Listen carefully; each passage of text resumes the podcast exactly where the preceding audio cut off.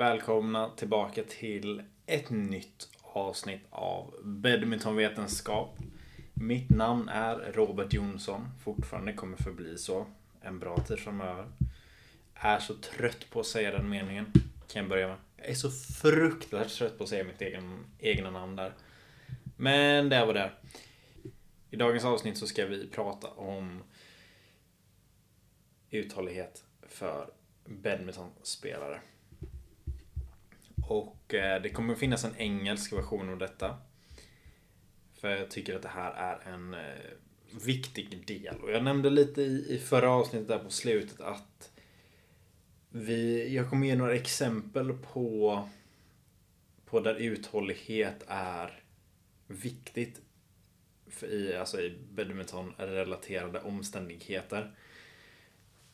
För det är ju, liksom när vi tänker på uthållighet så tänker vi på typ maratonlöpare, sådana som håller på med triathlon, Ironmans, eh, vara längdskidåkare, Tour de France. Vi tänker ju på sådana eh, uthållighetsevent. Eller uthållighetsidrotter, men det är inte riktigt så det funkar och jag tycker det här är väldigt bra att om man, om man söker på på Google då för det här är, nu blir det på engelska för att det, det var bäst så men om du söker på endurance meaning alltså vad basically vad är uthållighet alltså hur definierar man det så kommer det upp två definitioner typ den första är the ability to endure an unpleasant or difficult process or situa situation without giving way. Och nummer två, the capacity of something to last or to withstand wear and tear. Okej, okay, så om vi ska liksom bryta ner då vad uthållighetsbegreppet betyder så, så kan man säga då att liksom orka eh, i så här verkligen, om vi ska ta det förklara på väldigt lätt svenska så är det typ förmågan att kunna köra på när man är trött liksom att, eh, att inte bli trött och slitas ut av en situation. Ehm, så det kan ju vara att du är världens snabbaste badmintonspelare i en bollduell. Men sen är du inte det längre. Eller till exempel då Usain Bolt var världens snabbaste. Men det var inte uthållighet. Pratar uthållighet så var han inte så bra.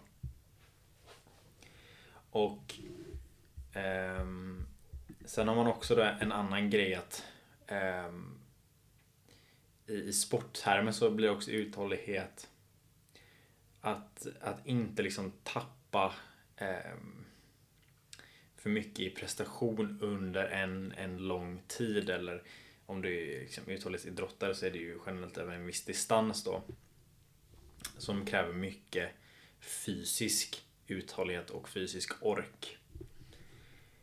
Och när vi pratar om det på det sättet så blir det också rätt tydligt att det handlar inte bara om, om att kunna utföra, liksom att ta ett steg framför det andra i flera timmar som vid ett maraton eller eh, bara fortsätta trampa på din cykel utan det, det, vi får någonting mer. En fotbollsspelare kräver, behöver en viss typ av uthållighet för att orka med en hel match. För vi vet att om, om ett helt fotbollslag inte skulle orka mer än 80 minuter säger vi, när de ska spela 90. Då kommer de förmodligen tappa rätt mycket eh, de sista 10 minuterna. De kommer förmodligen släppa in mål och de kommer, inte, de kommer definitivt inte kunna skapa någonting för att de orkar inte. Som badmintonspelare behöver vi en viss typ av uthållighet och där har vi ju dels att vi ska orka, orka spela en bollduell. En väldigt lång bollduell, liksom. det, det är en typ av uthållighet. Sen har vi att vi ska orka spela ett helt set vi ska orka spela en hel match. Vi ska orka spela matcher en hel dag under en tävling. Vi ska orka spela matcher under en hel helg. Det vill säga en tävlingshelg då. Och vi ska också orka med träningspassen liksom. Det är ju, sen ska vi också säga att träningspassen är till för att vi ska orka. Men när vi börjar se på det på det här sättet så förstår vi att okej, okay, det är det finns uthållighet i många olika delar av en badmintonmatch och det måste vi som spelare kunna hantera. För om vi har en svaghet i att vi inte orkar spela långa bolldueller då kommer vi få problem när spelare ser till att det blir långa bolldueller. Då kommer man ha två alternativ. Eh, vilket blir att antingen så ger man upp bollen, man försöker med en smash som eh, liksom med störst sannolikhet så kommer den inte gå in. Men vi siktar på linjen, går den in så blir det poäng. Eller bara att ge upp bollen och eh, satsa på nästa. Det är ju inte jättebra alternativ. Sen har vi också tredje alternativet, det är att man försöker spela långa bolldueller men man orkar inte och förlorar på grund av det. Och eh, sen har vi det här liksom att orka spela ett helt set. Och det kan vara att man orkar spela ett 11 pauser men sen så man orkar liksom inte. Det finns ingenting kvar i kroppen. För att man orkar inte mer än några minuter i det tempot. Och sen så har vi ju då liksom samma princip under en hel match som då blir mycket längre. Men vi kan också komma till den punkten där att spela en match är inget problem. Att spela två matcher är också okej. Okay. Men det är när vi då ska liksom gå in och spela final på söndagen efter en, en lång tävlingshelg med gruppspel och slutspel och det kan ofta vara eh, att man spelar dubbel eller mix också. Att orka den sista matchen. Och det är också uthållighet som, som gäller mentalt. Att orka eh, ha igång den här tävlingsinstinkten hela tiden. Och det, det till stor del så är det någonting man har. Liksom. Så här, alltså, om man har kommit till den nivån så är man liksom en, en person som kan eh, spela den sista matchen också. Men det är ändå så här, det krävs ändå en mental uthållighet och det krävs en fysisk uthållighet. Och sen kan vi säga att man kanske orkar spela den sista matchen men man har ingen eh, explosivitet kvar. Man har ingenting man kanske orkar det fysiskt men inte mentalt. Eller man kanske orkar det fysiskt men inte eh, mentalt. Det kanske var samma sak igen där. Men eh, Det är som sagt då olika typer av uthållighet. Så det är inte samma som en maraton. Men vi har vår egna uthållighet som vi måste träna på. Och Eh, det kan också vara så här då att typ, jag menar kollar vi på vissa matcher ehm, de som är liksom några av de bästa, de klassiska matcherna i världshistorien typ eh, Säg VM och OS-finalen Lee Chongwei Lindan 2011, 2012. Liksom, det var långa matcher och de tappade inte tempo alls. De körde på eh, lika hårt under hela, hela matcherna. Den här eh, extremt långa matchen mellan Sind och eh, Okuhara i ehm, Ja, som varade i liksom 110 minuter. Det är en timme och 50 minuter. För er som inte orkar göra den eh, matten. Och de, eh, ja visst i den damsingmatchen så var det ju en del eh, pauser för att det är, det är, för, det är för långt. Alltså det är, det är alldeles för långt att spela. Men eh, de har då alla, all typ av, av uthållighet som, som jag precis beskrev. Saknar de en av de delarna så kommer de inte kunna vara på den nivån de är. Sen så är det såklart mer än bara uthållighet som gäller men, men nu fokuserar vi på det.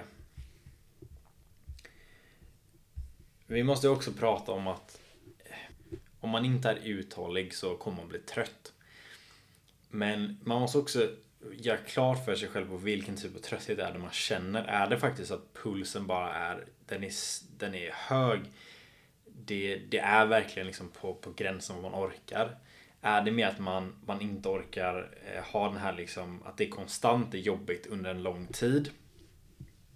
Men vi måste förstå eh, vad det är för typ av trötthet vi känner och för att sen kunna avgöra också vad är det för, för eh, uthållighet vi behöver träna på. För om det är om jag tror att det handlar bara om, om att förbättra mina muskler Eh, eller bara min kondition men det egentligen är så att jag eh, tränar fel så jag orkar liksom inte mentalt. Eh, jag kan liksom lida i 15 minuter på en multi på ett multipass men det är sällan de första 15 som är mitt problem. Det är kanske de sista 15 som är mitt problem. Då. Säg att man spelar 45 minuters match. Så att jag kanske behöver träna rätt intensivt i 30 minuter och sen gå på en sån här vidrig multi. Eller bara köra multi i 45 minuter eller någonting. Eh, för att känna på hur det känns. Men man måste ju verkligen eh, förstå vad det är som är eh, den, den begränsande faktorn. Liksom vilken är den svaga länken i ens uthållighet eftersom att det är så många. Men eh, man har ju den här typ generella eh, fysiska uthålligheten och det är väl att man helt enkelt inte är tillräckligt tränad för att möta matchkraven av badminton. Eh, och det innefattar väl typ allting egentligen. Eh, skulle kunna ta det ännu mer generellt eh, där det är till och med att man alltså, saknar det mentala för att verkligen kämpa igenom. Men Eh, det kan också vara det här att man, alltså den muskulära uthållighet är dålig så att man eh, Ens lungor och hjärta är väldigt stabila, liksom, du har bra syretagningsförmåga, det vill säga du har bra kondition. Men dina muskler däremot, de har inte den uthållighet som, uthållighet som krävs. Vilket innebär att du, du upplever inte att det är jättejobbigt andningsmässigt men du har liksom ingen kraft i benen. Eller du har väldigt mycket mjölksyra när du spelar. Kan också vara en sån grej. Sen har vi olika typer av eh, aerobisk uthållighet som, som kan saknas där du har eh, konstant och liksom hög puls och eh, man är inte riktigt återhämtad efter en boll, bollduell då, utan man man eh, man, man har svårt med, med just det här med uthållighet. Eh, nej, eller inte med uthållighet, jag menar, utan med återhämtning mellan bolldueller och eh, mellan övningar. Liksom allmänt så här, bara återhämtningen är inte så bra mellan eh, ja, mellan eh, bolldueller, mellan set, mellan elva pauser, mellan olika matcher. Utan man man, eh, man har konstant hög puls. Sen så har vi ju eh, Det kan vara att man, man också har låg smärttröskel för mjölksyra. Nu behöver vi inte kanske gå in på just det här men att mjölksyra är inte... Det är kombination av olika delar rent fysiologiskt som gör att man får liksom den här brännande känslan i musklerna. Det är liksom inte bara mjölksyra. För man har testat då att, att eh, för det heter ju lactic acid. Eh, på engelska. Man har då testat liksom att, att se till att de här, för man mäter det i millimol. Och då har man testat liksom att gå upp till, till de här extremt höga nivåerna där det verkligen gör så ont att man inte kan fortsätta. Man har testat liksom då att eh, genom, jag tror det är intravenöst, jag vet inte exakt hur de har gjort det men det måste ju vara intravenöst. Där de då har sett till att, att eh, man kommer upp typ till, jag tror det var, jag tror de hade det här testet typ så 18-19 millimol Eh, det kommer jag inte säga så mycket då men eh, det är liksom Det är väldigt, väldigt högt. Det är liksom, då, då kan du inte fortsätta. Men om man inte tränar eh, samtidigt som du får det så märker du inte av det. Så det är liksom inte bara mjölksyran i sig som gör att du får ont eller att det bränner i musklerna utan det är fler faktorer. Men hur som helst, så det kan vara faktiskt att du har för låg smärttröskel för att klara av den här smärtan i musklerna. För det är en grej som elitidrottare får, att de tränar upp bara sin tålighet för den typen av smärta. Och eh, det betyder att liksom, om vi säger att jag som nu är väldigt otränad för badminton, jag skulle vara tvungen att sluta väldigt mycket tidigare.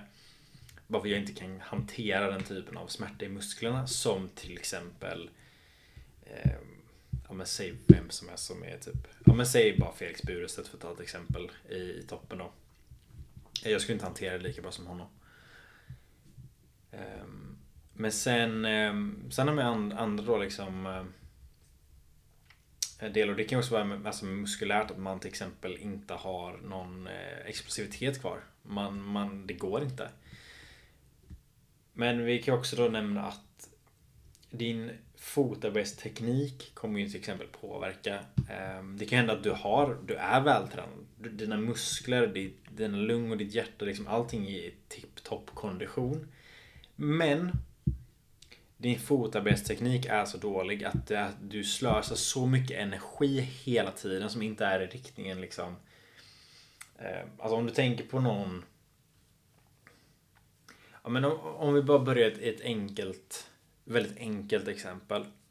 Varför kan inte världens eh, starkaste människa eller varför kan inte typ en eh, olympisk tyngdlyftare som är... Vilken olympisk tyngdlyftare är bättre? För de är ju extremt explosiva idrottare. Varför kan inte en olympisk tyngdlyftare smasha hårdare än en badmintonspelare? Som är betydligt mindre explosiv liksom i det, i det här exemplet. Sen absolut, vi har mycket underarmar och sånt andra. Men vi behöver inte gå in för djupt i just det exemplet. Men det beror på att Eh, om du kollar på en person som smashar extremt bra, till exempel eh, Govichem.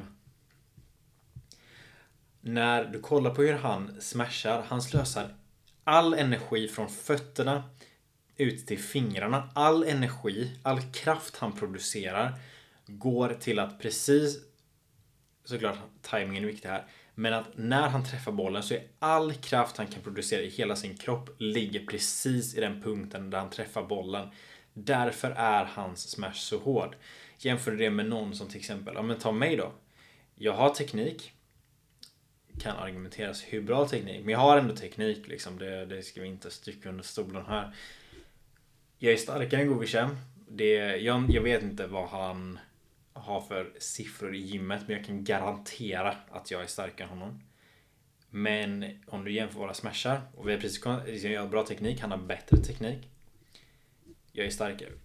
Varför är han då så mycket bättre på smasha än mig? Varför finns det folk som är mycket svagare än mig? Som också har liksom det, det ser ut nästan likadant när vi slår. Varför slår de hårdare än mig? Och det är för att man inte slösar energi på väg till bollen. Utan man får med sig alla muskler. Om du försöker slå en smash bara med armen. Kommer inte hända jättemycket. Kan du få med dig höften i det och verkligen tajma in det rätt så att du får liksom eh, Få med dig, ja, i alla fall höften då. Så kommer du slå väldigt mycket hårdare. Men om du kan få med dig hela din kropp, det vill säga liksom hela vägen från foten upp i höften, magen, armen, axeln, underarmen och fingrarna. Om du får med dig det och inte slösa någon energi på vägen då. Utan tänk det här som att du, nu har jag sett så här, du vet, lång typ, alltså jättelång eh, piska typ. Som, eh, som, som låter väldigt mycket. Eh, om du tänker din kropp som en sån, för det är så det måste vara, att precis i den sista punkten du snurrar till, där har du all kraft. Du slösar inte energi på vägen, utan det är bara det som räknas. Det är så ens kropp ska fungera när du smashar. Får du inte med dig det så kommer du tappa jättemycket kraft. Sen kommer folk vara bättre och sämre på det men ja. Hur som helst. Det är lite så det fungerar. Alltså, ha dålig, om du slösar energi på vägen då till exempel att du använder fel muskler för att röra dig någonstans eller du eh, böjer för lite eller för mycket på benen. Du kommer in fel i utfallssteget eller någonting så kommer du att slösa mer energi. Då är det inte uthålligheten det är fel på utan då är det tekniken som gör att du inte orkar mer och då måste vi börja i, i rätt ända här. Så det är någonting man måste fundera på. Ehm, och jag vill ehm, Jag vill bara gå igenom några stycken för jag, jag hinner inte. Jag kommer ha en, faktiskt en rätt lång eh, Ett rätt långt dokument med just det här men nu så vill jag bara gå igenom det lite snabbt i podden här, även om jag verkligen rantat på. Men om, om vi ser att vi tar det här med att ens aerobiska förmåga är, ens aerob, aerobiska förmåga, ja, är, eh, det är lite sent, jag är rätt, jag är rätt sliten, okej, okay? så det ber om ursäkt för det. Fast jag ber ändå inte om ursäkt för det, det är vad det är. Om du då märker att du har till exempel har väldigt hög puls he genom hela matchen. Eh, du har svårt att återhämta dig efter en bollduell. Då... Och det ska vi också säga då att det är ju de flesta av oss som är i den här kategorin att vi har väldigt svårt att återhämta oss mellan bollar och till slut när vi, eftersom vi inte hinner återhämta oss så blir vi progressivt mer och mer trötta under matchen tills vi då når en punkt där det bara inte går längre. Eh, och det blir också att när vi börjar gå från att vara aeroba och, och kan använda mycket syre till att vi måste bränna våra glykogenlager i musklerna. Då kommer vi väldigt fort att bara tappa all explosivitet och all kraft. Men hur som helst. Eh, om du tänker att du skulle spela mot dig själv. Där en av er är mycket snabbare att återhämta sig mellan bolldueller. Men det är enda skillnaden mellan er. Så är det rätt lätt att förstå att med stor sannolikhet, 99% sannolikhet, så kommer den som återhämtar sig snabbare att vinna. Men vad jag först skulle rekommendera då att om man känner sig att men det är nog det här som är mitt problem. Gör något konditionstest. Ett aerobiskt konditionstest. Det finns många olika varianter. Det lättaste och mm, alltså det lättaste och billigaste testet man kan göra Men det bästa är att faktiskt göra ett VO2 max i ett labb. Men det är lite komplicerat och det är rätt dyrt. Eller det är inte komplicerat för dig, du ska bara gå dit och, och lida ett tag medan man gör tester.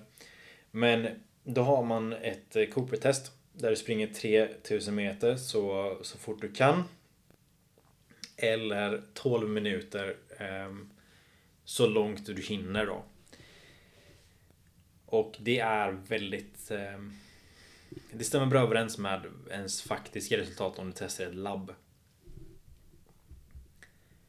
Jag kan dock tycka att det finns värde i att kombinera olika tester så att om du har väldigt bra löpsteg till exempel så märker du väldigt fort att om du skulle cykla och gör ett konditionstest där och det, de är helt off. Då kan man också veta att okay, men jag kanske bara är väldigt bra på att, på att springa. Eh, att det är tekniken som är väldigt bra i när man springer då. Så man kan göra några olika stycken. Alla behöver inte vara jättehårda. Det finns vissa. Du har maximala och du har submaximala tester. Så maximala tester är där du inte kan fortsätta när du är klar. Så Cooper-test är maximalt. Det finns Åstrand eller Ekblom baktest i, eh, i cykel som ni bara kan googla upp. Ehm, och det är submaximala tester. Där du får en rätt god eh, uppskattning av din kondition. För badmintonspelare så tycker inte jag att man ska, när man kollar på de här, eh, det finns ju olika typ tabeller där man kan läsa ut hur bra kondition har jag. Och det här har jag sagt innan också men jag hade inga lyssnare då så vi, vi kan ta det nu. Jag tycker inte du ska sikta på att vara i normalkategorin där. Är du i normalkategorin så ska du inte räkna med att du kommer vara jätteframgångsrik som badmintonspelare. Det är också...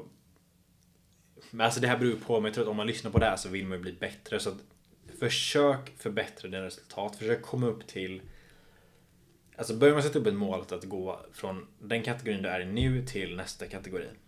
Eh, så det går ju ofta från dålig till un, below average average eller normal, eh, above average eh, och elite. Typ. Det är ofta så det brukar vara. Sikta på att bli bättre på det liksom. Försök ta det lite längre nästa gång. Och eh, om man är då till exempel på den här normal eh, kurvan. Liksom jag, är, jag är värdelös på Cooper-test, det har aldrig varit min grej. Men jag kan rekommendera att om, om man är i den här kategorin så, så räcker det rätt gott och väl att med, i några veckor köra en långsam långrunda. Till exempel på helgen. Ehm, det ska vara skönt, det ska inte vara något lidande där utan det ska vara lugnt, långsamt. Pulsen ska inte vara hög. Och sen kör man ett betydligt hårdare pass där du kör 4 gånger 4 minuter och det kan vara liksom 4 minuter som är riktigt, riktigt tuffa. Ehm, de verkligen pressar sig. Och ehm, så gör man det några veckor, typ, alltså minst en månad. Och sen så kan man testa sig igen då. Ehm, det finns olika sätt att göra det här men Men det är ändå en rekommendation om vi pratar liksom träning utanför badmintonplan. När vi pratar om eh, det, och det här är mycket för att liksom bygga en aerobisk bas. Som jag också pratar en del om. Men vi säger att man har, liksom, du är van vid att springa, det är inte jättejobbigt utan du vill ändå liksom förbättra den här faktiska eh, återhämtningen mellan varje bollduell. Jag rekommenderar alla att man liksom spenderar några veckor med att köra de här lite lugnare, alltså de här long runs, distansrundorna som är i en, i en lugn eh, fart. Kombinera det med de här 4x4 minuterna där du vilar 3 minuter mellan varje intervall. Bygg en bas i, om du är ny till det så skulle jag säga minst 6 veckor. Men säg då att man har en bra aerobisk bas och nu är det den här faktiska återhämtningen mellan varje bollduell. Då är det mest badmintonspecifika jag kan rekommendera är att man gör multi, eh, ett multipass.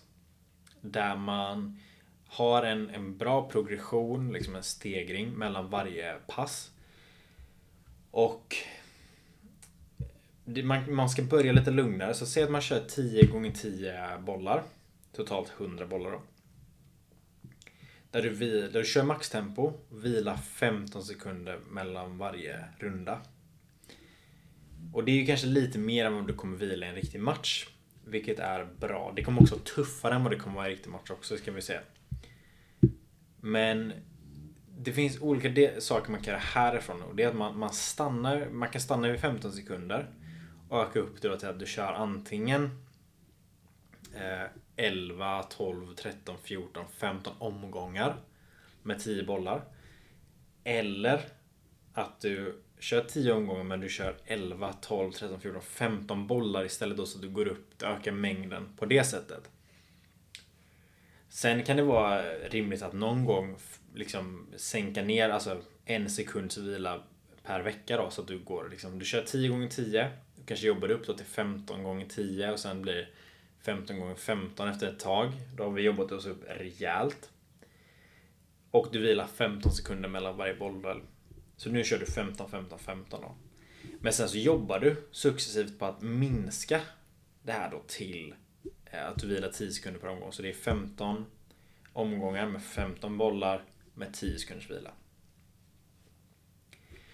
Ehm, och det, det är ju ett sätt då att, att jobba på det. Andra liksom andra sätt att göra det här på utanför gymmet eller utanför badmintonplan eller eh, även på badmintonplan kan ju vara att verkligen köra jättekorta eh, intervaller. Men det kan också vara då att du tar en löprunda, och vill säga att du har den aerobiska basen och du vill träna lite mer utanför plan för du har inte möjlighet att köra de här multipassen eller så. Då tycker jag att du ska köra liksom 15-15 intervaller. Det kan vara bra. Du kör eh, kör på intensivt och vilar lite helt enkelt. Så, eh, så att du har liksom en mer badminton-specifik vila då. Och sen så kommer man då in på det här med muskulär uthållighet. Och det här blir det sista vi, vi kommer att prata om idag och det är ju då när när lungorna och hjärtat liksom och kondition inte en begränsande faktor i varför vi inte orkar fortsätta spela matcher på samma intensitet. Och det här kan ju bero på eh, olika saker som att du har extremt välutvecklad aerobisk eh, kapacitet och ja, till viss del anaerob, men främst aerob då. Eh, vilket leder till att dina muskler kan inte se till att du faktiskt kan ligga på den utmattningsgraden som du behöver ligga på för att få ut maximalt av det. Så du har liksom eh, din aerob, aeroba förmåga är så pass mycket bättre än din muskulära förmåga att du, ehm, du blir av med, med din maxprestation. Eh, och Där det här kan ju då eh, manifestera sig på olika sätt som att man ehm, man känner så här, men pulsen är inte jättehög. Jag kan andas men benen är tunga, det finns ingen explosivitet kvar. Jag kan liksom inte pusha upp mig till högre puls bara för att mina muskler tillåter inte benen att fortsätta springa. Och där har man ju olika delar. Det finns ju viss, en anaerob konditionsdel i det här som eh, som innebär liksom att du jobbar med mycket mjölksyra och liksom kan öka den eh, liksom toleransen och produktionen och eh, även effekten. Nu så kommer vi dock fokusera mer på det här faktiskt muskulära då som är någonting vi kan påverka genom ett bra styrketräningsprogram.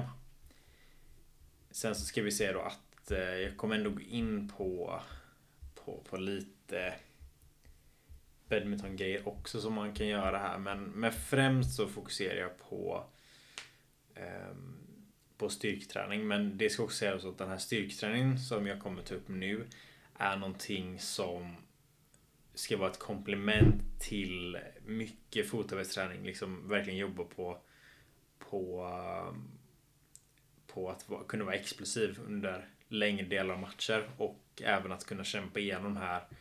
Alltså verkligen se till att benen kommer upp i i förmåga så att du faktiskt kan utnyttja din eh, aeroba förmåga. För att om vi säger då att du, eh, du har så svaga muskler i förhållande till din kondition så tappar du så fruktansvärt mycket på plan. Och det har jag väl varit inne lite på innan. Men hur som helst.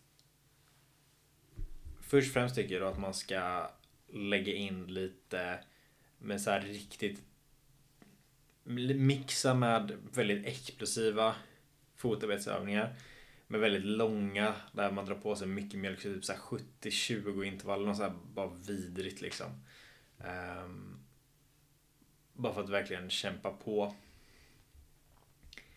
Uh, och det behöver inte vara så, så specifikt just uh, i intervallerna då utan det är mer att det ska vara riktigt, riktigt vidrigt.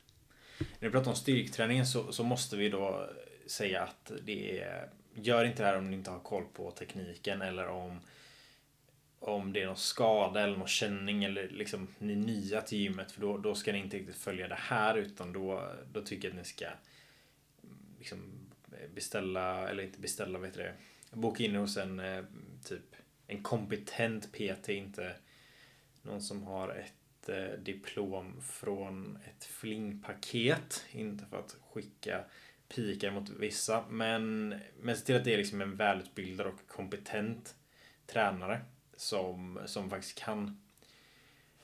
Och sen så ska vi, men liksom om vi pratar optimal värld liksom där, där man har koll på, på tekniken. Så tycker jag att vi ska, vi ska välja två olika... Eller vi kan, vi kan fokusera på en övning just nu då. Men du väljer typ en övning som eh, knäböj eller benpress. Bulgarian split squats eller bara split squats är, är också otroligt bra. Men man väljer någon övning eh, av den kalibern liksom. Och sen så har vi ett fyra stegsprogram kan man säga då där man um,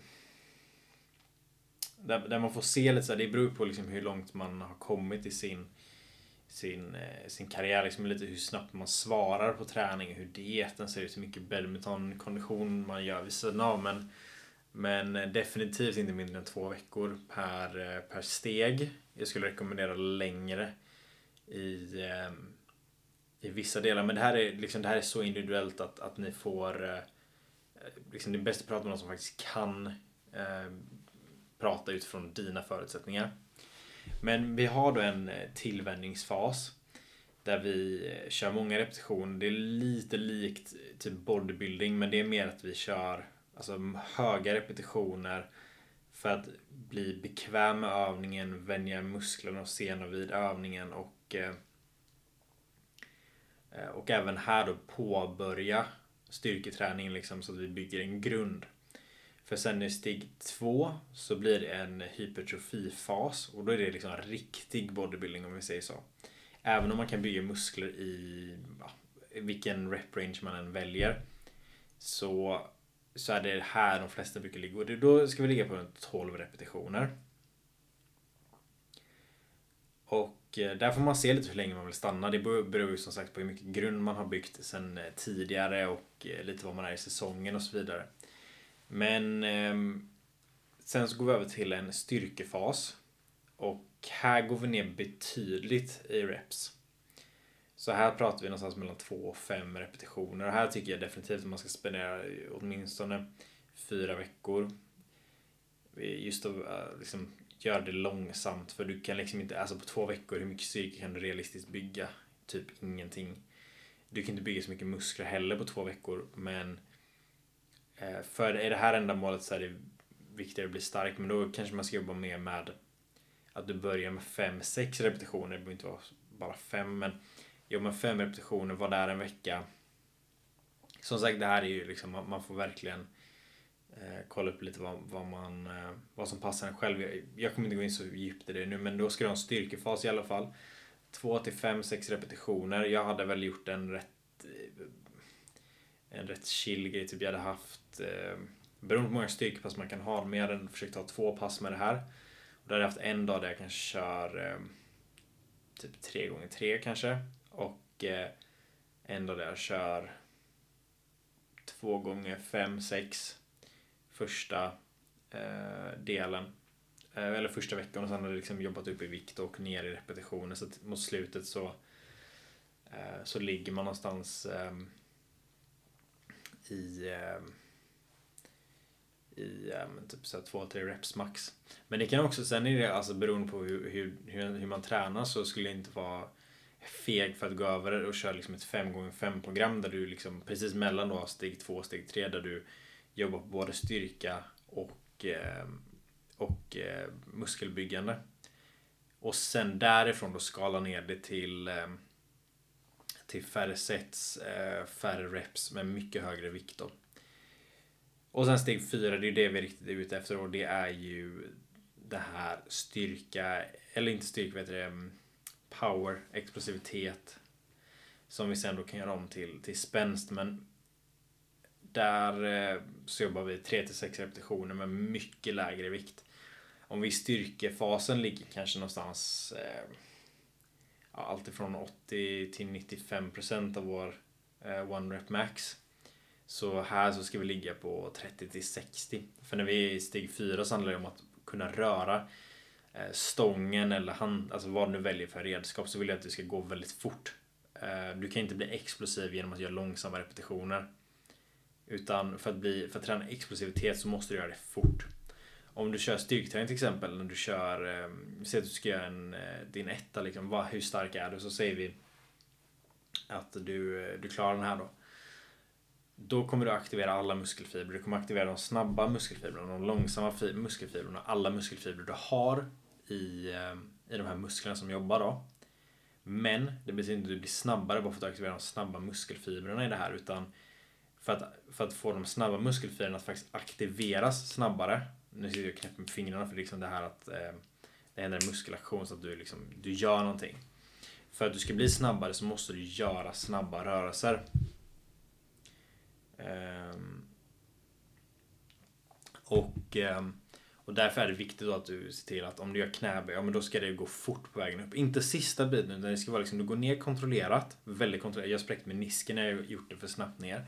Så du ska gå ner kontrollerat och sen när du, precis när du vänder, om du är parallell eller lite djupare parallell med, med benen då. Så bara exploderar du så fort du kan. Du ska liksom flyga upp från marken lite. Du ska liksom inte hoppa men du ska vara på väg att hoppa. Så det handlar om att verkligen få stången att röra sig fort. Och det här blir då lite då på, på vem man är, lite vad man är, men eh, eller alltså vad man är i sin träning. Där vissa kan vara väldigt explosiva med 60% av sitt, sin max, men eh, andra eh, liksom behöver vara på lägre procent då för att kunna vara riktigt explosiva.